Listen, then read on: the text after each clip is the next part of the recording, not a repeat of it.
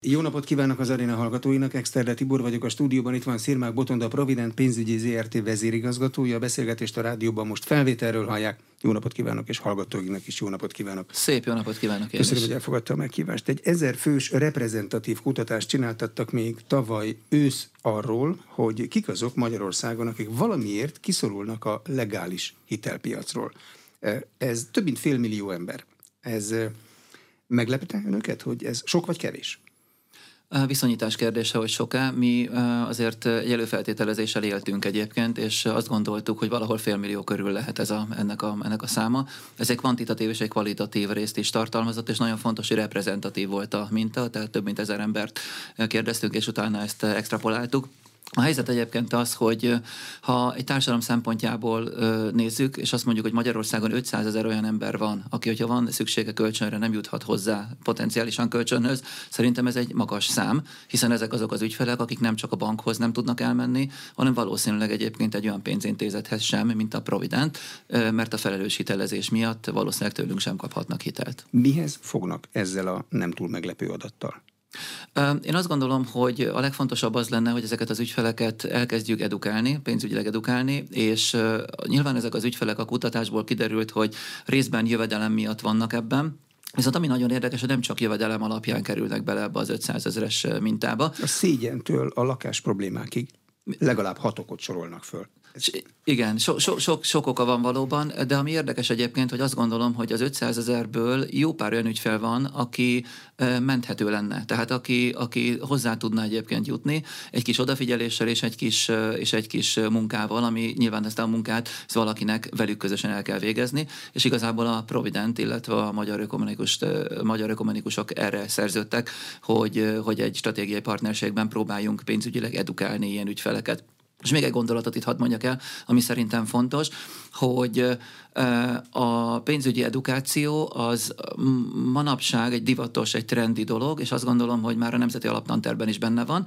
Tehát az teljesen rendben van, hogy a tizenéves korosztály már kap valamiféle pénzügyi edukációt. Viszont generáció vagy generációk nőttek úgy fel, hogy nem kaptak, és ezek az ügyfelek jellemzően egyébként oda tartoznak, akik nem részesülhettek ilyen pénzügyi edukációban, és a szám, számunkra az a fontos dolog, hogy őket is megpróbáljuk valahogy hozzájuttatni ehhez a tudáshoz. Miért bíznak abban, hogy az edukáció hamarabb eléri az ügyfelet, mint mondjuk a helyi uzsorás, akinek elég annyit mondania, hogy Pista, úgyis nálam dolgozol. Megoldjuk, eddig is megoldottuk. Hát miért mész te ezekhez a drágos emberekhez?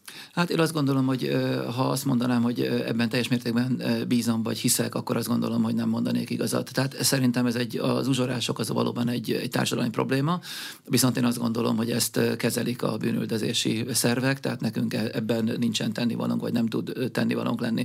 Amiben nekünk te, tennivalónk tud lenni, hogy szisztematikusan felépítünk egy rendszert, és ehhez találtunk egy partnert is, és ezt a, és ezt a rendszert úgy működtetve, ami hát azért tudjuk azt, hogy ez egy nagyon lassú folyamat, tehát a pénzügyedukáció nem egyik napról másikra fog kialakulni. Én azt gondolom, hogy jó pár év alatt ki tudjuk alakítani ezt a pénzügyedukációt, és ki tudjuk azt alakítani ezen ügyfeleknek egy része, aki, hogyha anyagilag is egyébként ebben a helyzetben lesz, akkor igenis pár év múlva lehet, hogy öt év múlva, tíz év múlva, de az uzsorának valóban egy alternatívát láthassa abban, hogy kikhez tud még fordulni kölcsönért. Kik fogják csinálni magát a tanítást? Oda kell menni, és türelmesen a befogadó szintjén lehet, hogy teljesen az alapoktól el kell magyarázni például azt, hogy mi az a pénz. Ez így van, és nagyon, és alapvetően alapfogalmakat kell majd elmagyarázni, ezzel teljesen tisztában vagyunk. Nekünk van egy, egy rendszerünk, azt gondolom, hogy elég sok olyan ügyfélel találkoztunk, és nem ügyfélel is találkoztunk, nem csak ügyfelekkel találkoztunk, amire felépítettünk egy rendszert. Ez egy ilyen pénzügyi edukációs tananyag. Családi kassza sikerek néven fut egyébként ez, és a családi kassza sikerek talán ott kezdődnek, hogy mondjuk egy olyan ügyfélnek, aki nem dúskál az anyagi javakban, például tudunk-e mutatni egy tervezőfüzetet, ahol meg tudja a családi költségvetést tervezni. És ha ezzel mondjuk már 5-ről 6 jutunk, és tudja az, hogyha meg tud takarítani mondjuk a csekékeresetéből mondjuk egy pár ezer forintot, akkor pontosan már bejebb van, mint hogyha csak kölcsönből kellene ezt, ezt megoldania. És ami nagyon fontos, hogy ezért kerestünk egy olyan partnert, olyan stratégiai szövetséges, aki úgy gondoljuk, hogy eléri ezeket a potenciális, potenciális tanításba bevonható embereket, és ezért esett tehát az ökumenikusokra a, a választásunk. Én azt gondolom, hogy tehát amikor azt kérdezi, hogy ki fogja tanítani, mi csak a tananyagot nyújtjuk, illetve a kollégáim jó pár példát tudnak mutatni az ökumenikus segélyszervezetnek, hogy mi hogy csinálnánk ezt, és utána az ő munkatársaik azok, akik ezt országosan mindenhol csinálják. Több mint húsz éve itt vannak a magyar piacon, több százezer emberrel, ügyféllel találkoztak. Tud olyan csoportokat mondani, amiből meg lehet érteni, hogy kik a Provident ügyfelei? Mert mi, akik nem voltunk még a Provident ügyfelei, erről leginkább előítéleteinkből táplálkozunk. Nagyon sokféle ügyfele van a Providentnek, és hogyha megnézzük mondjuk a, a, anyagi akalapján, hogy mennyit keresnek a Provident ügyfelei, akkor természetesen az jellemző, hogy a Provident ügyfelei jellemzően 100 ezer forint nettóból 100-200 ezer nettó között élő, élő emberek. Tehát potenciálisan egy banknak ők sokkal rizikósabb ügyfél lenne, és ezért nem fordulnak egy bankhoz. Meg talán azért is egyébként, mert habitusok alapján ők nem szívesen mennek be egy banki épületbe, hanem inkább egy bizalmi kapcsolatot keresnek. Tehát jövedelem alapján szerintem meghatározható kisebb keresetű emberek. Azt azonban fontosnak tartom elmondani, hogy előítélet, előítéletes az, aki azt gondolja, a Provident mindenkit kiszolgál. Ez egyáltalán nem így van. Elég sok olyan hitelkritériumnak kell nálunk is megfelelni, ami alapján egy ügyfélt kaphat tőlünk kölcsönt, vagy éppen nem. Hozzánk forduló ügyfeleknek, potenciális ügyfeleknek kb. 50%-a kap egyébként tőlünk kölcsönt. És azt kell látni, hogy nyilvánvalóan a Nemzeti Bank által hozott szabályozásnak számtalan olyan, számtalan eleme van, amit nyilvánvalóan megfelel a Provident is. Gondolok itt mondjuk a jövedelem arányos törlesztő részlet szabályozásnak a betartására, csak hogy egy példát mondjak, és ezek az ügyfelek, tehát amellett, hogy anyagilag nyilvánvalóan egy banki ügyfélhez képest lejjebb vannak, ami még nagyon fontos, hogy nem feltétlenül rendelkeznek például bankszámlával, tehát banki kapcsolattal vagy bankszámlával, és a harmadik fő ismérvük, hogy nem minden esetben szeretnék ők banki, banki átutalással megkapni a kölcsönt, hanem sokkal inkább készpénzt szeretnének, mert mondjuk Magyarországon egy kis faluban sajnos a bankkártya elfogadó termináloknak a száma azért az nyilván jóval kisebb, mint mondjuk a fővárosban. Milyen főfeltételeknek kell megfelelni annak, aki a Provident ügyfele akar lenni? Legyen állandó munkahelye? Igen, nyilvánvalóan egy igazolt jövedelemmel kell rendelkezni, egy olyan jövedelemmel, amit nyilván vissza is igazolnak, tehát egy papír van nyilvánvalóan róla, amit igazolnia is kell az ügyfélnek. Nyilván az alapfeltételek, hogy 18 év fölött legyen a, az ügyfél. Beszámítási képessége meg legyen. Igen, igen, igen, igen, logikusan. De egy nagyon fontos különbség például a bankokhoz képest van, ez pedig az, hogy mi nem húzunk erős határt mondjuk 65 évnél vagy 70 évnél, mint a bankok egy jelentős része az idős ügyfeleket már nem szívesen szolgálja ki. A mi kölcsöneink azok sokkal rövidebb futamidejűek, tehát azt gondolom ez a kockázat, ami ehhez kapcsolódik, az kisebb, és éppen ezért elmondható az, hogy a Provident szívesen foglalkozik akár 70-75, akár 80 éves ügyfelekkel is, hogyha az egyéb feltételeknek megfelel. Tehát nyilván stabil nyugdíja van, illetve a beszámíthatósági feltételek, ahogy az előbb ön is mondta, ezek megvannak, akkor nálunk nem egy, nem egy diszkriminatív, vagy nem egy kizáró tényező az, hogy valaki mondjuk 80 éves. Mi a hitelbiztosítéka? Kezes, nem kell hozzá, olvasom a, a termékleírásoknál. Ez kezes és fedezet nélküli kölcsön, ami azt jelenti, hogy mi abban bízunk, hogy nagyon jó hitelbírálatot fogunk tudni, egy jó hiteldöntést hozunk az elején, és az a bizalmi kapcsolat, amit felépítünk a munkatársunkkal, az ügyféllel közösen, azt gondoljuk, ez egy partneri kapcsolat, és a partneri kapcsolat az oda fog vezetni, hogy az ügyfél vissza fogja fizetni a, a kölcsönét rendesen. Természetesen nálunk is vannak olyan ügyfelek, akik egy banki, mondjuk kezes és fedezetlen kölcsönhöz hasonlóan nem fizetik vissza a kölcsönt, viszont amit tudni kell, hogy a Providence soha senkinek a, a házát, lakását emiatt nem vette el, illetve amikor végig járjuk azt a procedúrát, hogy az ügyféllel leveleztünk, KHR-re tettük, tehát a szokásos módszert, amit egyébként egy kereskedőbank is végigjárna. Ezután az ügyfélnek, és nem sikerül az ügyféllel megállapodni, akkor ha követeléskezelésre kerül a sor, akkor kikötjük például azt is a követeléskezelővel, hogy az ügyfélnek például az ingatlanához nem nyúlhat. Jó, de hát akkor mihez nyúlhat? Nyilván a Provident nem abból él, hogy a fedezetet nem húzza be nem, a, a hitelek után. Igen, a Provident abból él, hogy egy felelős hiteldöntést hoz az elején, tehát az ügyfeleknek a zöme az igenis egy jól fizető ügyfél, annak ellenére, hogy ügy kockázati szempontból kockázatosabb, mint egy banki ügyfélkör. És az a bizalmi kapcsolat, amiről itt már többször beszéltem, vagy utaltam rá, az pontosan azt feltételezi, hogy a képviselő hetente vagy havonta kimegy az ügyfélhez, és tekintve, hogy hetente vagy havonta találkoznak, ezért az a találati arány, amikor rájön a képviselő kollégánk, hogy baj van, az ügyfél nem fizet, az sokkal hamarabb van, mint átlagosan egy banknál, amikor mondjuk havonta egyszer az ügyfél utal vagy nem utalja a törlesztő részletet. Ez azt is jelenti egyszer, mint hogy az ügyfél és a munkatársunk az már az első hét nem fizetés után elkezd tudni e, egyezkedni, illetve megállapodni, és rájönni arra, hogy miért nem fizet ügyfél hajlandóság vagy képesség kérdése. De kik ezek a területi képviselők? Mert ha jól hallom, akkor ilyen egyrészt szociális munkásnak is kell lennie, másrészt e, pszichológusnak is kell lennie, e, harmadrészt nagy helyismerettel kell lennie, más negyedrészt nem nagyon fluktuálhat mert hogy hosszú távú kapcsolatokra van az ügyféllel ítélve. Kik ezek? Ők jellemzően nagyon jó kommunikációs készséggel rendelkező emberek, sok olyan közülük, aki például tanár volt annak idején, vagy akár óvónő is volt, tehát ilyen intellektuálisabb pozíciót látott el, és olyanok is vannak egyébként, akik egyáltalán nem, de mindazonáltal lehet, hogy kétkezi munkás volt, de megtetszett neki az, hogy, hogy a munkája után tudott a, a Provident-tel, illetve Providentes ügyfelekkel foglalkozni. És ami érdekes egyébként, hogy őket most már, ha jól emlékszem, tíz évvel ezelőtt alkalmazásba vettük, tehát mindannyian alkalmazottjai a, a, a Providentnek, és ezáltal Magyarország 70. legnagyobb munkáltatójáról beszélünk, amikor a Providentről beszélünk. Több mint 2000 emberrel dolgoznak. Igen, igen, igen, ez így van, és, és, és azt kell mondjam, hogy ar, arra válaszolni, hogy kik ezek az emberek, tehát jó kommunikációs készségen kívül azt gondolom, hogy sok minden azok közül, amit ön kérdezett vagy elmondott, valóban igaz kell, hogy legyen rájuk, de ők jellemzően a helyi közösségből kikerülő emberek. Tehát amikor egy faluban, egy kis faluban valaki fölveszi tőlünk a kölcsönt, akkor az eseteknek egy igen nagy százalékában valóban ismeri is talán személyesen azt a kollégát, aki mondjuk a kölcsön nyújtja neki, vagy a hitelbírálat elvégzésében részt vesz. Milyen a Provident szolgáltatási térképe? Inkább vidéken, inkább kisvárosokban, inkább nagyvárosokban? 80 százalékban vidéki, és 20 százalékban budapesti, tehát ez nagyjából leképezi egyébként a társadalmat, és inkább igaz az, hogy egy kis faluból jóval többen vannak, tehát inkább a kisebb, a település szerkezet szempontjából a kisebb falvakból, településekről beszélünk, de ez egyébként például abban is látszik, hogy a, hogy a vállalat, amikor az otthon nyújtott szolgáltatásról beszélünk, akkor nyilvánvalóan az otthon nyújtott szolgáltatás az nagyobb értéket képvisel egy olyan kis faluban, ahol mondjuk a bankfiókok azok nem egymást érik, mert hiszen, hogyha egymást érik a bankfiókok, és a Providentnek is egyébként vannak olyan irodái, ahol be lehet menni személyesen, tehát nem kell mindenképpen egy képviselőn keresztül igénybe venni ezt a szolgáltatást. No, szóval ezeken a helyeken, ahol több lehetősége van az ügyfelnek fölvenni, ott nem feltétlenül fizeti ki a kényelmi szolgáltatásnak a pluszköltségét. Az otthon nyújtott szolgáltatásnak van pluszköltsége? Van, természetesen van, igen. Az benne van a, a kölcsön árába, vagy azt külön megjelölik, hogy ennek ennyi az ára? Nem, természetesen ez külön fizetendő, mint hogyha logikusan belegondolunk abba, hogy mondjuk valaki rendel a Libritől például egy könyvet,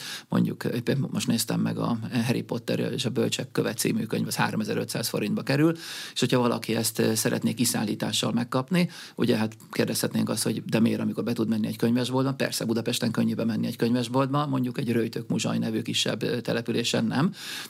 És ott mit tud választani az ember? Vagy az, hogy elmegy autóval, vagy tömegközlekedéssel bemegy mondjuk, nem tudom én, Sopronba például.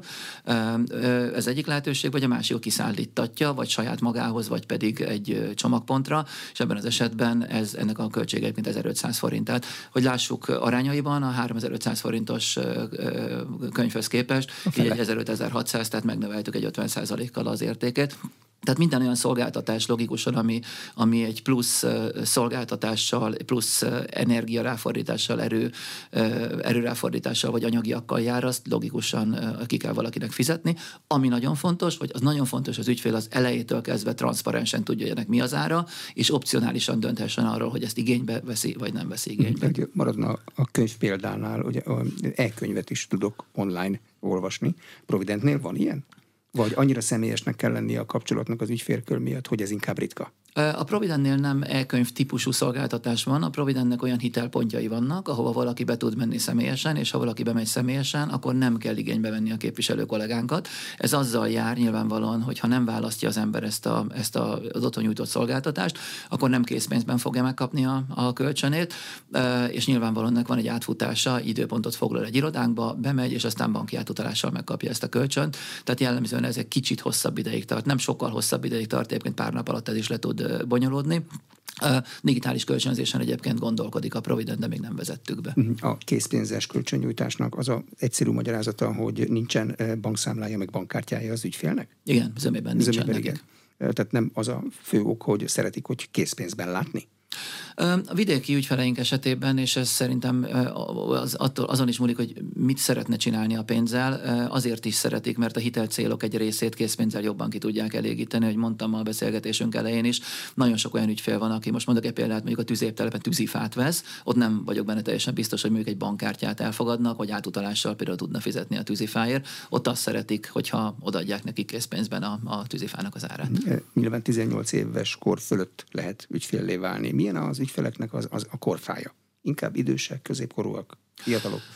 Nagyon érdekes, mert hogyha mondjuk ilyen tíz évekre beosztjuk, akkor azt tapasztalhatjuk, hogy mondjuk 75 éves korig nagyságrendileg 20-20-20 százalékokat találunk. Tehát az ember azt gondolná, hogy ez biztos egy ilyen régi típusú üzleti modell, azt gondolnánk, hogy biztos csak az öregek veszik igénybe, hiszen a fiatalok közül már mindenki online, már mindenki digitális. Ez nem így van. Tehát az a korosztály, aki mondjuk a 20 és 30 év közötti, az nagyságrendileg korfa szempontjából 20 százaléka a Providentnél. Úgyhogy elég jól eloszlik, ami talán meglepő lehet a hallgató hallgatóknak is. Eh, hogyha edukálják az ügyfeleket, nem fordulhat elő, hogy annyira belejönnek a bankolásba, hogy a végén már nem providentesek lesznek, hanem rákapnak az ízére és elmennek a bankba. A Providentnek egyébként az a társadalmi küldetés, hogy egy jobb világot teremt azáltal, hogy az ügyfeleknek kölcsönt nyújt. Nyilván nagyon örülünk annak, hogyha egy ügyfél nálunk marad, és abban az esetben, hogyha a legközelebb kölcsönre van szükség, akkor is minket választ. De azért nem a világ vége az, hogyha az ügyfél közben teremtődik neki egy, egy hiteltörténete, és a hiteltörténet mellé mondjuk egy normális fizetés is járul, és ezzel utána azt mondja, hogy elmegy egy bankba. Azt gondolom, hogy ha vannak ilyen ügyfelek, akkor büszkének kell arra lenni, hogy ezek az ügyfelek, ezek többek között nekünk köszönhetően tud, váltak, vagy válhatnak már banki ügyfelekké. Egyelőre azt látjuk inkább, hogy az a szolgáltatás, amit mi nyújtunk, az egy olyan szolgáltatás, amit az ügyfelek szeretnek, hogyha beszélünk mondjuk ilyen net promoter score, vagy ügyfél, ügyfél értékről, tehát az, hogy mennyire szeretik a szolgáltatásainkat, akkor ezek kiugróan magas értékek, ami azt is jelenti, hogy legközelebb, amikor az ügyfélnek kölcsönre van szüksége, akkor szintén minket választ. Ugye jellemzően a kölcsöneink azok rövid lejáratóak, tehát mondjuk egy 70 47 környékén vannak, tehát másfél éves kölcsönökről beszélünk. Ebből a szempontból úgy, úgy működik a, a kölcsönünk, mint mondjuk egy FMCG típusú termék, amit az ember használ, és ha elégedett vele, akkor legközelebb is szívesen választja. Úgyhogy én azt gondolom, hogy azzal a szolgáltatással, ügyfélélménnyel, amire óriási nagy eh, hangsúlyt fektetünk, azzal talán el tudjuk azt érni, hogy mégsem menjenek a bankokhoz az ügyfelek. Mennyi lehet az ügyfélélményben az, hogy nem nagyon van ezen a piacon versenytársuk? Ez nagyon érdekes, hogy nincs versenytársunk. Voltak próbálkozások egyébként, hiszen alapvetően azt gondolják, vagy azt gondolták többen, hogy ez egy egyszerű üzleti modell. Csak éppen az a tudás, ami nekünk a 21 év, néhány év alatt kialakult, és ugye ez egy angol cég, egy brit cég, és nyilván az elmúlt száz évben a vállalatnak a, a, a múltjából adóan száz év alatt született egy know-how. Ezt azért nagyon nehéz megszerezni ezt a, ezt a tudást. Azt gondolom, hogy, hogy az, hogy nincsen versenytársunk, ez, ez többek között annak is köszönhető, hogy a kollégáim remekül végzik végzik a munkájukat, és azok az ügyfelek, tehát ez a, ez a piaci rés, vagy ezek, a, ezek az ügyfelek, akik, akik nem bankokhoz akarnak fordulni, ezek, ezek az ügyfelek azt gondolom, hogy kellően kötődnek a Providenthez ahhoz, hogyha ügyfélélményt kapnak, akkor legközelebb is minket választanak. Arról van valamilyen ismeretük, hogy azt a százalékot a Provident milyen arányban fedi le, aki egyébként bankhoz nem tud elmenni? Um, Hát ez azért nagyon nehéz kérdés, mert ugye ezeket láthatatlanoknak nevezzük ezeket az ügyfeleket, és a kutatás ezt, ezt mutatta meg, hogy vannak láthatatlanok. Az 500 ezer ügyfél, akiről nem, az 500 ezer, az 500 ezer ember, aki a, ugye a felnőtt lakosságból kikerül, ezeknek egy része úgy láthatatlan, hogy a Providenthez tud még jönni. Mondok egy kizárót, ami a bankoknál kizáró szokott lenni, például egy negatív KHR, nálunk nem kizáró például negatív KHR, tehát így láthatatlan, és vannak olyan láthatatlanok is, akik ugye nálunk sem mennek már azon a szűrőn át, hogy ki tudjunk, hogy, hogy az ügyfeleket ki tudjuk szolgálni, és, és ők teljesen láthatatlanok, tehát ők a Provident szempontjából is láthatatlanok. Azt hogy lehet kiszámolni, hogy a Providentnek egy adott pillanatban mennyi ügyfele van? Nyilván vannak olyanok, akik korábban ügyfelei voltak, de most nem, most ügyfelei vagy később lesznek ügyfelei, de korábban voltak. Szóval mennyi az aktuális adat? Mi, azt, mi azokat az ügyfeleket tekintjük ügyfélnek, akik jelenleg fizetik a törlesztő részleteiket, vagy havi vagy heti törlesztési formában. Ha azt kérdezné, mennyi ügyfelet szolgált ki Magyarországon a Provident valaha, akkor ez hihetetlen, de több mint egy millió ember volt, akivel kapcsolatba kerültünk. Ha viszont azt, hogy jelenleg hányan fizetik a törlesztő részleteiket, akkor ez egy ilyen 220 ezeres adat körülbelül. A 220 ezeres adat az ország melyik részén áll össze? Mondta, hogy 80 és 20 a vidék és a Budapest. Vannak Magyarországnak erősebb ügyfélkötődésű részei? Nincsenek. Nagyon érdekes megfigyelni azt, hogy az ember azt gondolja, hogy talán Kelet-Magyarországról több ügyfelünk van, de a helyzet az, hogy, hogy, hogy, ez, ez nem így van. Az új ügyfelek szempontjából talán igaz az, hogy Kelet-Magyarországról több új ügyfél jelentkezik, de az is igaz, hogy, hogy mondtam, a hitelbírálati stratégiánk onnan jobban is szűri ki az ügyfeleket, hiszen, hiszen ott alacsonyabb jövedelemmel rendelkeznek, vagy valamilyen más kritériumnak nem felelnek meg. Tehát összességében igaz az, hogyha ránéznénk egy ország térképre most, és kicsi pontokkal megjelölnénk rajta az ügyfeleket, akkor nagyságrendileg egy, egy egyenlő eloszlást kapnak. De nem azért szűri ki nagyobb arányban a hitelbírálati rendszerük, mert az adott területre specializált, hanem mert ott nem mennek át rajta? Tehát az, ez egységes? Természetesen igen. Tehát azért nem mennek át, mert bizonyos, ahogy mondtam, bizonyos kritériumoknak meg kell felelni, például, hogy jövedelemmel rendelkezzenek. Kelet-Magyarországon azt látjuk, hogy több olyan ügy, potenciális ügyfél van, aki állítása szerint rendelkezik jövedelemmel, de erről papírt például kevésbé tud mutatni. Hm, munkajövedelemmel kell igen. rendelkeznie, tehát bejelentett dolgozónak kell lennie valahol, és ehhez a munkáltatójának kell adnia valami igazolást. Igen, vagy, vagy, vagy, lehetőség az is természetesen, hogy NAV-hoz elmegy, mondjuk valaki vállalkozó, és a NAV-tól hivatalos igazolást kap, vagy nyilván az is egy potenciális lehetőség, hogy mondjuk valaki nyugdíjas, és mondjuk a nyugdíj folyosítótól hoz igazolást. Tehát valamilyen módon bizonyítania kell azt, hogy ez a pénz az valóban rendelkezésre áll. Ugye a kutatás egyik fókuszcsoportos csapatában az szerepelt, hogy például nem akar, vagy nem tud, vagy nem mer elmenni a NAV-hoz, hogy jövedelemigazolást kérjen. Ilyenkor ebben tud neki valaki segíteni? Ez nem egy tipikus pénzügyes feladat, ez egy szociális munkás feladat. Nem, azon kívül, hogy, hogy felhívjuk a figyelmét arra, hogy az ő érdeke, hogyha tényleg kölcsönre van szükség, hogy el kell menjen. Nagyon sok ember azt gondolom, hogy az elején tart dolgoktól, amitől nem tudja, Hivatali hogy igazából nem kéne tartani. Igen. És, és, tart tőle, csak van, aki jobban titkolja. Lehet, igen. Én azt gondolom, hogy ha ezeknek a, a, az első, az első impulzus megadja valaki, és lehet, hogyha az abban a faluban történik egy olyan embertől, aki, akiben ő bízik, tehát megvan ez a bizalom, és azt mondja neki, hogy hát Ferikén menj el, én is elmentem, nem a világ vége, húzol egy sorszámot, megkapod az igazolást, és ezt talán jobban elfogadja tőlem, mint, vagy tőlem elfog, tőle jobban elfogadja egy általa ismert embertől, mint hogyha bemegy mondjuk egy bankba, és ott mondják, hogy hozzon egy ilyet, egy olyan ember által, aki, aki, akit ő nem ismer. Tehát talán hitelesebb, és ebből a szempontból talán jobban elmegy, akkor a NAV-hoz kér egy igazolást, és már gördülékenyen mehetnek a dolgok. Az edukációban ilyesmiről lesz szó? Például, Igen. hogy kell csinálni egy hivatali ügyintézést, sok embernek problémát okoz az űrlap kitöltése. Ez része a tananyagnak egyébként az is nagyon érdekes, hogy a, a mi egyedi üzleti modellünk az, hogy egy képviselő mondjuk tartja a kapcsolatot az ügyféllel, ez például abban is segítséget tud nyújtani neki, hogyha mondjuk egy előrelátó csomagot rendel meg az ügyfél, az előrelátó csomag az egy olyan, az egy olyan csomag, amiben többek között biztosítás is van, vagy például a hitel nem 14 napig visszamondható az elején, hanem 30 napig visszamondható, tehát egy, egybe gyúrtunk bizonyos szolgáltatásokat, és ezeknél a ezeknél a, a szolgáltatásoknál is, ugye a munkatársunk van ott, és a munkatársunk tudja az ügyfélnel elmagyarázni azt, hogy pontosan ennek mik, a, mik az előnyei, és miért válassza ezt. De a szobozta az előrelátó csomagot, ha én ezt jól értettem, ott, hogyha az ügyfél bármi miatt elhuny, akkor az örökösöit nem terheli a törlesztés. Igen, igen Ebben ez mi a Providentnek az üzlet? De még Ebben mi a Providentnek a jó? Hát nyilvánvalóan... Felveszi másfél millió forintot, balesetben meghal, és nincs, aki visszavizesse? Igen, hát általában hogy ez nem egy általános dolog azért, egyrészt, másrészt pedig nyilvánvalóan a biztosító áll helyt az ügyfélért ebben az Tehát esetben. Tehát csomagban kell az erőlátós megvenni, és akkor a biztosítási kártérítés, vagy a biztosítási szolgáltatás, ez megy a Providentnek. Igen, de, de csak egy elem ennek, és akkor nyilván az örökösöknek nem kell foglalkozni ezzel az adóssággal, és azt látjuk esetleg, hogy, hogy több esetben, hogyha egy ügyfél elhuny, akkor uh, talán a providentes kölcsöne mellett, mellett más kölcsönöket is hátrahagy, és azt gondolom az örökösöknek, bár nem egy vidám téma tudom, de nem mindegy az, hogy az adott pillanatban miről kell gondoskodnia mondjuk egy elhunyt után. Mennyire kell egyszerűsíteni a termékeket, hogy az mindenki számára érthető legyen? A Providentnek a termékei, és ez így volt mindig is egyébként, hihetetlenül egyszerű termékek. Egy példát hoztam, hogy 150 ezer forintos átlagos kölcsönre mondom ezt, hogy 150 ezer forintra az ügyfélnek 35.400 forint ügyleti kamatot kell megfizetnie, tehát ez összesen az ügyfélnek akkor 185.400 forintot kell visszafizetni, és ebben az esetben ezt szétbontjuk heti törlesztő részletekre, és az ügyfélnek hetente a heti, heti kitettsége az 2575 forint per hét. Tehát ennyit kell az ügyfélnek hetente megfizetnie.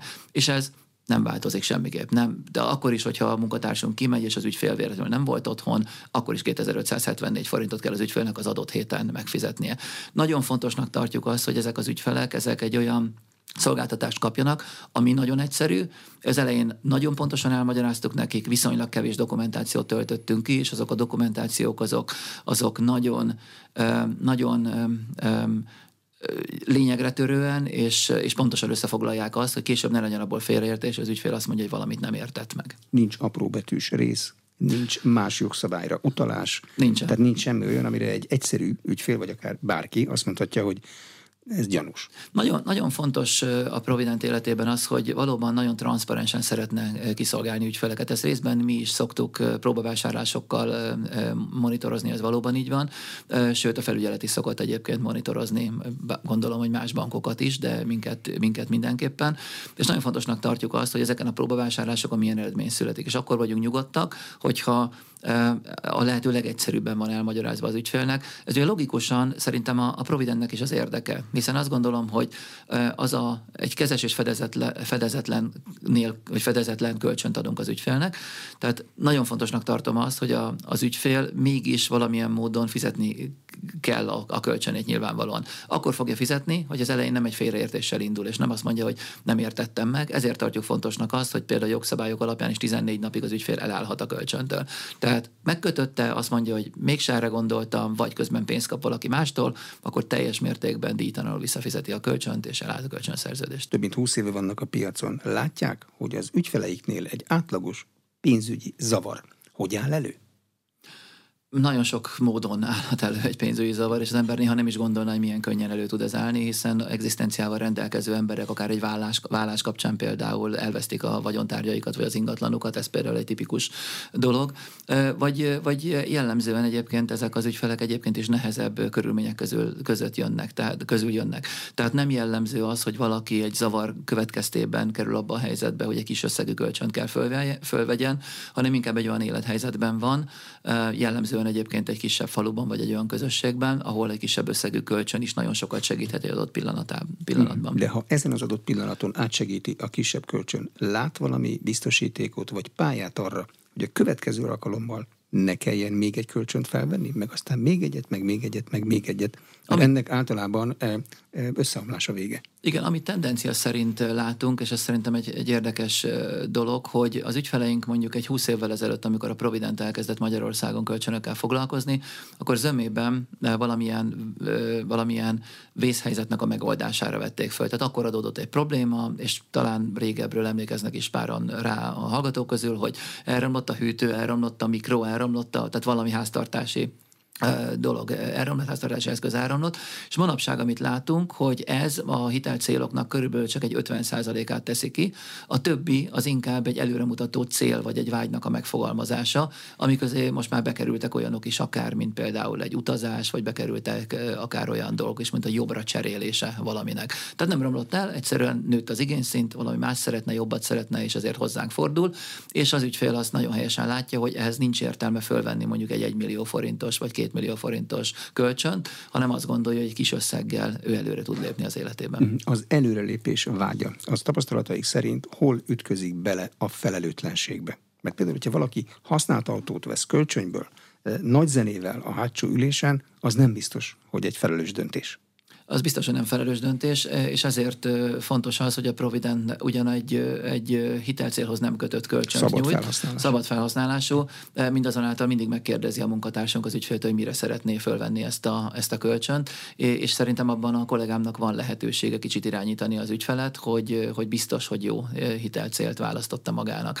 Egyébként most januárban, ennek az évnek januárjában csináltunk egy olyan tévéhirdetést, amikor kifejezetten a felelős hitelezésre fordítottuk az összes digitális kereskedelmi időt, ami a tévében rendelkezésre állt, és azt mondtuk az ügyfélnek, hogy egy kalkulátor segítségével nézze meg, hogy az a hitelcél az valóban egy fontos hitelcél neki, tegyen fel magának, emlékeim szerint öt olyan kérdést, hogy mindenképpen szüksége van rá, hogyha megszerzi azt a terméket, az, az fontos-e neki, boldogabbá teszi -e, előre viszi az életét, és hogyha mindaz ötre azt mondta, hogy igen, akkor azt mondtuk, hogy valószínűleg jó hitelcélt választott magának. Hogyha nem, akkor ebben az esetben gondolkozzon el rajta, hogy valóban szüksége van arra a termékre.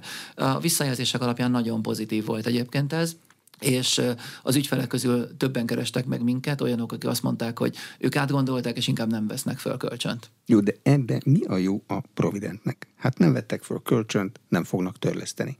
Az ügyfél felelősségben mi érdeke fűződik egy pénzügyi szolgáltatónak hozzá? A Provident hosszú távon gondolkodik, és nagyon fontosnak tartom azt, hogy a Providentnek nem az a lényeg, hogy most önnek itt megpróbáljak eladni akár az adáson kívül egy kölcsönt, hanem az a lényege, hogy egy olyan kapcsolatot alakítsak ki önnel, hogy egy olyan bizalmi kapcsolatot, hogyha tényleg kölcsönre van szükség, akkor arra emlékezzen, hogy, hogy itt volt egy ember, aki nem próbált rám tukmálni semmit, nem próbált eladni semmit, segítségre, segítségemre tudott lenni és ebben a helyzetben nagyon szeretnénk egy kompetitív ajánlatot adni ennek az ügyfélnek, és nagyon szeretnénk, hogy minket válasszon nyilvánvalóan, hiszen az üzlet az, az nyilván ez.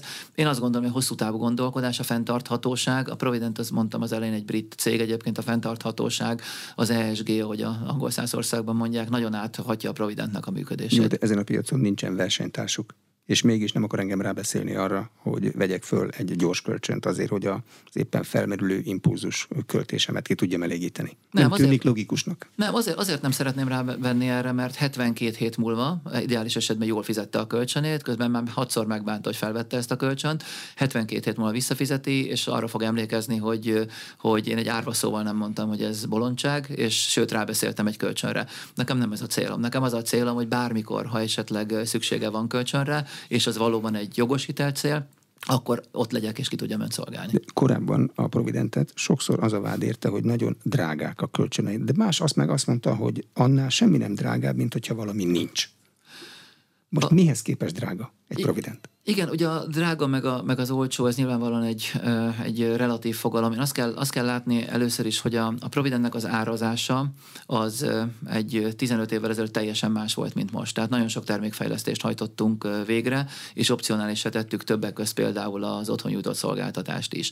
Azt kell látni, hogy a Providentnél például olyan bújtatott költségek nincsenek, mint például, nem tudom én, hitelbírálati díj, vagy előtörresztési díj, ezekről egyáltalán nem foglalkozunk. Tehát a Providentnek tényleg egy átlátható, és transzparens kölcsöne van, amikor az ember felveszi, és amikor egyébként visszafizeti, abban a tekintetben is.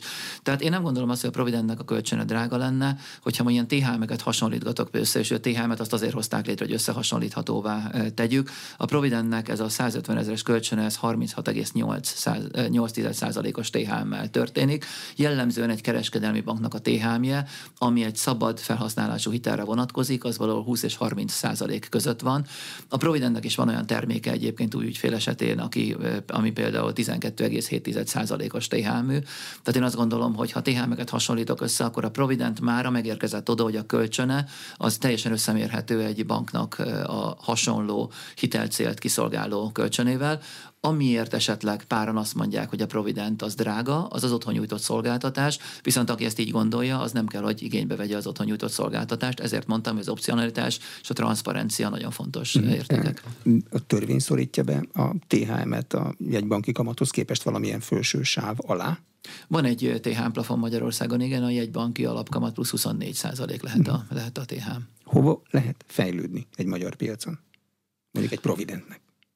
THM tekintetében kérdezi? Vagy? Hát ügyfélszám tekintetében, és nyilván a ugye, nyereség érdekelt cég profit tekintetében.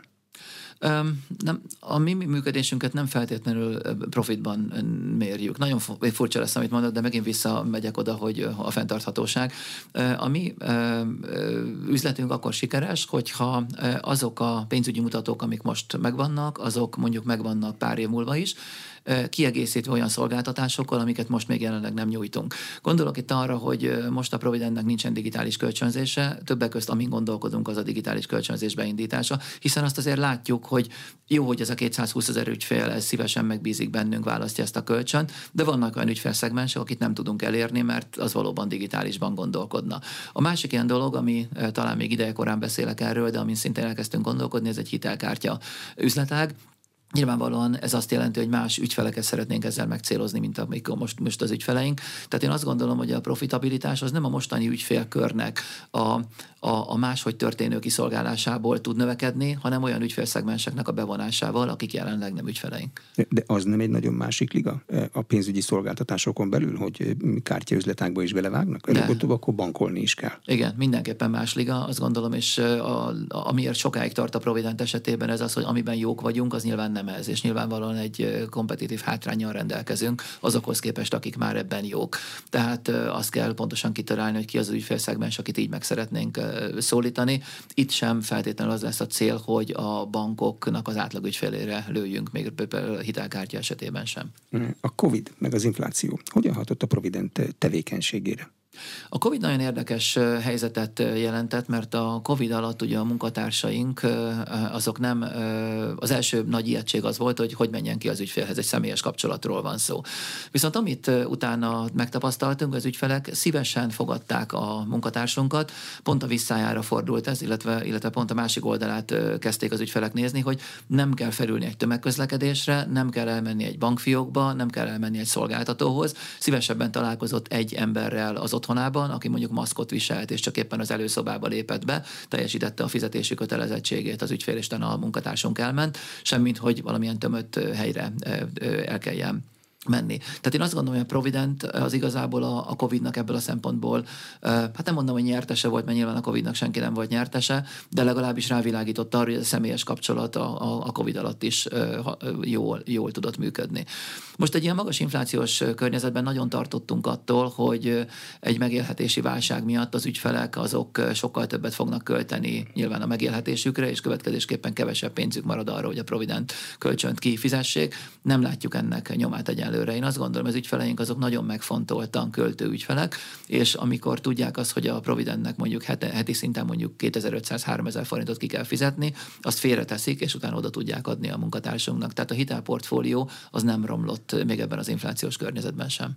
Csehország, Lengyelország és Románia otthonszolgáltatási üzletágáért is önfelel. Teljesen más adottságú és méretű országok, talán csak a cseheket lehet valamennyire hozzánk hasonlítani.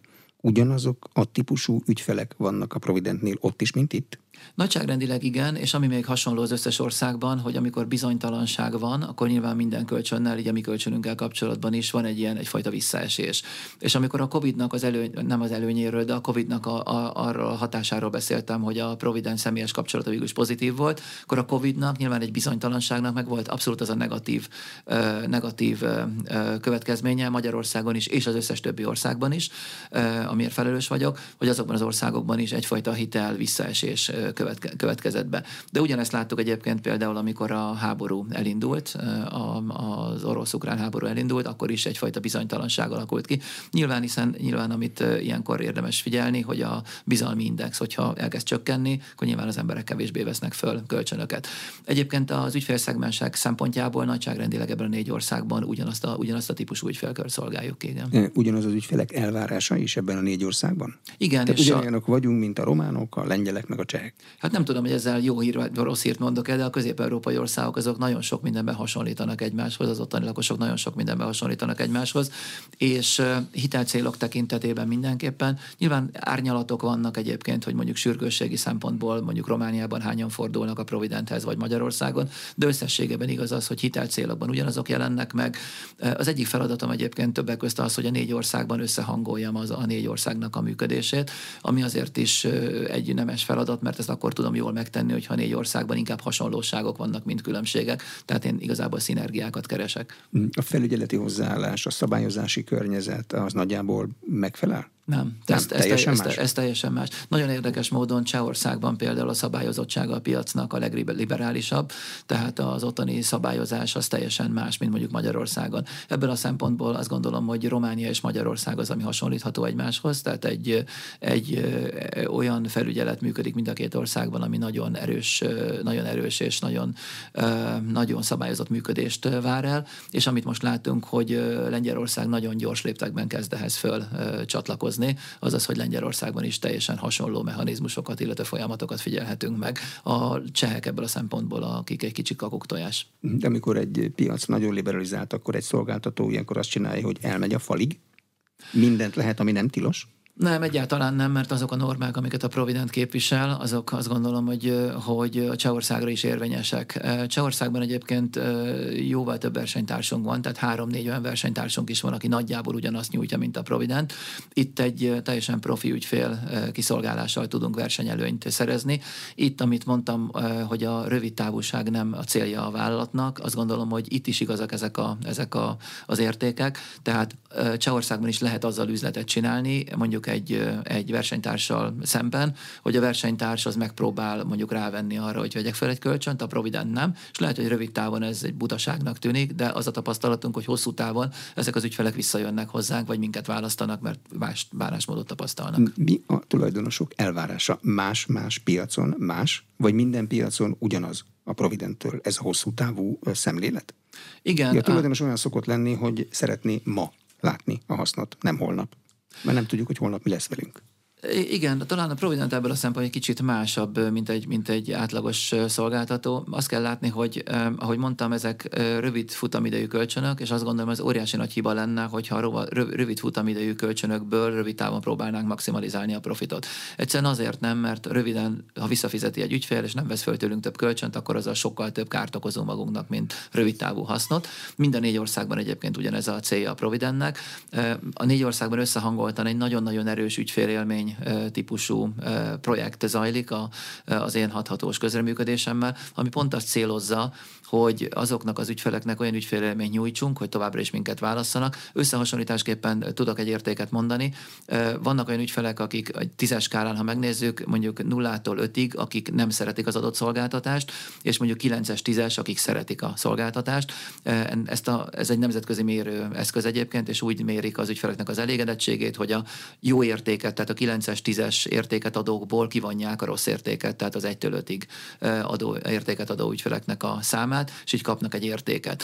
Mondjuk a, egy gazdasági válságban, mondjuk egy bank esetében ez az érték akár így egy mínuszos érték is lehet. A Provident esetében ez egy 70-es érték most. Tehát én azt gondolom, az ügyfeleink azok igen szeretik ezt a szolgáltatást, és ez egy olyan, ez egy olyan érték, amit árgus szemekkel figyelünk. Ha ez az érték romlik, akkor azt gondolom, hogy ez az előre, előrejelzése lenne annak, hogy az ügyfeleink elégedetlenek, és hosszú távon a vállalat nem menne jól. De ez nem tart attól, hogy rásül a Providentre, hogy ez a szegényekkel foglalkozó intézet?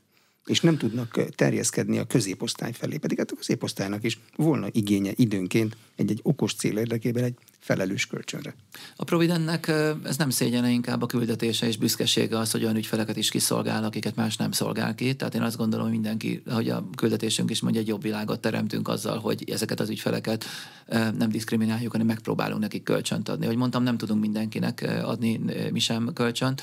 Én azt gondolom, hogy ha ezek az ügyfelek egy jobb életet nyernek azzal, hogy, hogy tőlünk felvettek egy kölcsönt, és mondjuk ezzel előre tudjuk az életüket lendíteni, akkor szerintem jó küldetésben járunk. És nyilvánvalóan azoknak az új termékeknek, mint amit említettem az előbb például a hitelkártya, ha ezt megcsináljuk, akkor annak lesz a szerepe az, hogy, hogy egy kicsit más ügyfélszegmenset, meg, ügyfélszegmens megszólítva ezeket az ügyfeleket is meg tudjuk valamilyen módon kínálni egy kölcsönnel vagy hitelkártyával. Több mint 20 éve itt vannak a magyar piacon, ez alatt a 20 év alatt Magyarország hatalmas hullámokon meg völgyeken ment keresztül. A saját ügyfeleik tükrében eh, hogy tudták megítélni? Mikor voltak jó idők? Mikor voltak kevésbé jó idők? Az a jó idő a providentes ügyfélnek, ami egy nem providentes középosztály szerint kereső ügyfélnek is jó idő? Vagy nem? Nagyon nehéz az definiálni, mit nevezünk jó időnek vagy rossz időnek. Azokat Amikor az... nem félünk a másik, a következő naptól. Igen, azokat az időszakokat látom és emlékszem rá, hogy abból a szempontból volt jó idő, hogy mondjuk a, a kereskedés nem ment annyira jól, tehát mondjuk kevesebb ügyfél jött be hozzánk, kevésbé volt nagy igény mondjuk egy ilyen típusú kölcsönre, viszont az ügyfeleknek jó sok pénze volt, tehát a portfólió az egyértelműen javult, és jobb, jobb ügyfelek, tehát jobb visszafizetési értékeket tudtunk, tudtunk realizálni. Ezek azért voltak jó idők, mert a portfólió nyilvánvalóan egy nagyon fontos mérőeszköze a Provident működésének, hiszen azok az ügyfelek, akik nem fizetnek, ugye közgazdaságilag ezeket el kell különíteni, ezeket a, a pénzeket, ezek ebből a szempontból voltak jó idők. Vannak olyan jó idők, amik azért jó idők, mert az ügyfeleknek egy nagyon nagy fokú hitelégsége van, tehát sokan fordulnak hozzánk, és ebben az esetben a kereskedelmi oldal szempontjából jó időről beszélünk, és nagyon kell vigyázni arra, hogy a fizetési története az ügyfeleknek megfelelő maradjon, de hogy mondtam, jó pár olyan biztosíték van ebben a bizalmi rendszerben, ami ezt, ami ezt alátámasztja. Összességében tehát a 2008-2009-es válság volt az, ami azt gondolom, hogy nagyon sok tekintetben legnehezebb volt a Provident életében is, viszont azóta a különböző válságok vagy különböző, különböző nehézségek voltak, ezek közül egyik sem volt olyan jelentős, amire úgy emlékeznék vissza, ez minden szempontból rossz idő volt. A mostani inflációs idő, ami még egy középosztálybeli ember költéseit is szemmel láthatóan átalakítja, hiszen bezuhan a kiskereskedelmi forgalom. Kétszer is meggondolom, hogy mit fogok venni. Ez az önök ügyfeleinél hogy csapódik le, akik azért nem annyi pénzből gazdálkodnak? Nagyon tartottunk ettől, ahogy, ahogy mondtam is, és azt gondoltam, hogy ez fizetési nehézségeket fog jelenteni. E, mi azt látjuk, hogy ezek az ügyfelek nagyon tudatosan e, átstruktúrálták a költéseiket, és valóban... 100 ezer forint nettó jövedelmet hogy lehet tudatosan átstruktúrálni? 100, 100 és 200 közöttről beszélünk inkább, tehát mondjuk ez egy, ez egy, ez egy olyan csoport, ahol mondjuk tehát kis, kiskeresőtőek vannak, 100-200 nettó sem túl sok pénz nyilvánvalóan. Például lemondtak olyan termékekről, amit felváltottak olyan más termékekkel, ami olcsóbb például, jobban megnézik, hogy melyik kiskereskedelmi egységbe járnak, és nem gondolom azt, hogy minden tekintetben ugyanazokat a termékeket veszik meg. Tehát minden nap van például sonka az asztalon, most mondtam egy példát. Egyébként több olyan kutatásunk is van, amikor az ügyfelek arról beszélnek, hogy sokkal tudatosabbak lettek, de a portfólió minőségében egyáltalán nem látszik, hogy visszaesett volna az ő fizetési hajlandóságok. Mm. Nagyjából az ön által felügyelet vagy vezetett országokban ugyanez a helyzet, nem mindenhol ugyanakkor az infláció, mint nálunk. Különbségek nyilván vannak, viszont szerintem ennél az ügyfélkörnél nem is az a kérdés, hogy az infláció mennyi, hanem inkább az, hogy az étel infláció mennyi. Az nálunk a legmagasabb. És Magyarországon valóban ez, ez, ez elég magasnak számít, és épp ezért a többi országban egyébként még kevesebb problémát jelent ez, mint Magyarországon. Ételre vesznek fel az emberek hitelt? Kölcsönt? Uh, nem, nem jellemző. Ez nem jellemző. Nem inkább hűtőszekrényre, hogyha az elromlott. Tartós, tartós, tartós fogyasztási, fogyasztási cikkekre, cikkekre, vagy, vagy valamilyen élményre inkább. Tehát az előbb említettem az utazást. Most például kevésbé hitelcél az, hogy utazásra vesznek föl, de például a háború kitörése a Covid előtt jellemző volt az, hogy egyre inkább azt láttuk, hogy szeretnének kimozdulni, szeretnének az emberek. Úgy érezték, hogy megvan a tartalékok mondjuk akár egy bankban is arra, hogy, hogy, hogy utazhatnának a saját pénzükből is, de inkább fölvettek egy kölcsönt rá. Ez most nyilván kevésbé jellemző azért. Beszélt, említette a beszélgetés elején, hogy nyilvánvalóan a Provident sem enged be mindenkit az ügyfél körében. Milyen a, a nem, tört, nem teljesítési arányuk? Körülbelül erről azt tudom mondani, hogy mint egy, mint egy banknak a szabad felhasználású kölcsönei esetében. Tehát nem tér el szignifikánsan mondjuk bármelyik kereskedelmi bankétól, ami nem azt jelenti, hogy ezek az ügyfelek kitűnően fizetnek, ez azt jelenti, hogy azáltal, hogy a munkatársunk tartja, tartja velük hetente a kapcsolatot, ez olyan ügyfél, aki egy hét, egy-két törlesztő részletet kifi, máshogy fizet, vagy nem fizet ki az adott héten, ilyen van, de tekintve, hogy rendszeresen látogatjuk az ügyfeleket, ő nyilvánvalóan meggyőződik arról, hogy ha legközelebb kölcsön szeretne, akkor ki kell fizetni az előző hitelét, és ennek megfelelően aztán ki is fizeti. Amikor valamilyen település részről, kis településről mondjuk kivonul a posta, vagy kivonul egy pénzintézet fiókhálózata, akkor oda a Provident automatikusan bemegy, ha még nem volt ott? Nem, a Provident automatikusan ott van mindenhol Magyarországon. Tehát 2300 településen? Igen, igen, nyilvánvalóan. Ez azt jelenti, hogy van 20 olyan hitelpontunk, ahova az ügyfél, hogyha nem választja az otthon jutott szolgáltatását, akkor ő maga be tud menni. Ez nyilván utazással jár mondjuk a kisebb falvak esetében. Azért próbáltunk olyan városokat választani, ami reálisan mondjuk utazási távolság szempontjából mindenkinek valóban lehetővé teszi, hogy kis utazással elérjen egy ilyen hitelpontba. Viszont azért mondtam, hogy Provident ott van mindenhol, mert az otthon nyújtó szolgáltatást az bármelyik kicsi falu, bármelyik kicsi tanya világnak ez eldugott szegletében igénybe tudja venni valaki, hogyha neki arra van szükség. Sőt, az eseteknek a, a nagy részében ezt 48 órán belül meg is teszi egy munkatársunk, aki személyesen kimegy az ügyfélhez. Milyen most a felügyelőhatóságokkal való együttműködésük? Én megnéztem, és nemzeti banki büntetést azt 2019-ben találtam utoljára, versenyhivatali büntetést azt 2013-ban, de akkor még azt, mint hogyha perre akarták volna vinni, de arról már nem találtam hírt. Most milyen az együttműködés? Nem akartunk perre vinni semmit. Én régóta vagyok a cégnél egyébként. Szerintem egy konstruktív jellegű. A hatóság szempontjából azt gondolom, hogy a szabályozó hatóság szempontjából ez egy olyan üzleti modell volt, amit az elején nyilván ők sem ismertek. Én azt gondolom, hogy mára tudják azt, hogy a Provident mit csinál, miben jó, és nyilván azt is tudják, hogy mire kell odafigyelniük. Említettem azt, hogy például a, a, ezek a mystery shoppingok, vagy ezek a, ezek a próbahívások, próbavásárlások, ezek, ezek vannak, ami egyébként szerintem egy helyes dolog is. Tehát a viszonyra én azt mondanám, hogy egy korrekt, konstruktív viszony van a, a hatósággal, vannak auditok nyilvánvalóan, és hogyha ott azt javasolják, hogy valamit javítanunk kell, akkor állunk elébe. Milyenkor mindenhol a nemzeti hatóságok felügyelik azt a tevékenységet, amit a Provident csinál, vagy az Európai Unió hatóságainak is meg kell felelni? Nem, de ezek nem, teljesen lokálisak, és ezek a, ezek, a, ezek a vállalatok, az a négy ország, amire én vagyok felelős, ezek a lokális szabályozásnak kell, hogy megfeleljenek. Ezen kívül, ami a, ehhez képes plusz az az, hogy a vállalatcsoportnak is vannak elvárásai, amik például egy kevésebb szabályozottsággal bíró piac esetében, mint például Csehország, lehet, hogy szigorúbbak, mint egyébként a, a szabályozás előírne. Hogy a saját standardnek megfeleljenek? Abszolút. Igen. Mennek a Balkánra? Vagy már ott nok. Gondolkodtunk rajta, nincsen olyan tervünk, hogy más országba menjünk jelenleg. Én azt gondolom, hogy ebben a négy országban cél inkább az ügyfélbázisnak a fejlesztése, ennek a mostani ügyfélbázisnak a jó kiszolgálása, illetve, a, illetve egyéb olyan termékeknek a, a, a bevezetése. Lengyelországban például hitelkártyát vezettünk most be, ott szeretnénk tanulni a lengyel kollégáknak a, a sikereiből, és hogyha Lengyelországban ez működik, akkor utána Magyarországra hozni. Románia Romániában vezetünk be, illetve most vezetünk be digitális kölcsönzés, Lengyelországban egyébként van, a PSD 2 szabályozás ott már előbbre jár, mint Magyarországon, úgyhogy a digitális kölcsönzésre jobban van lehetőség, szeretnénk ebből is tanulni. Tehát én azt gondolom, hogy inkább a meglevő országokra koncentrálunk, és itt szeretnénk egy jobb működést elérni. Köszönöm a tájékoztatást. Az elmúlt egy órában Szirmák Botont, a Provident pénzügyi ZRT vezérigazgatója volt az aréna vendége. A műsor elkészítésében Módos Márton főszerkesztő vett részt. Köszönöm a figyelmet, Exterde Tibor vagyok.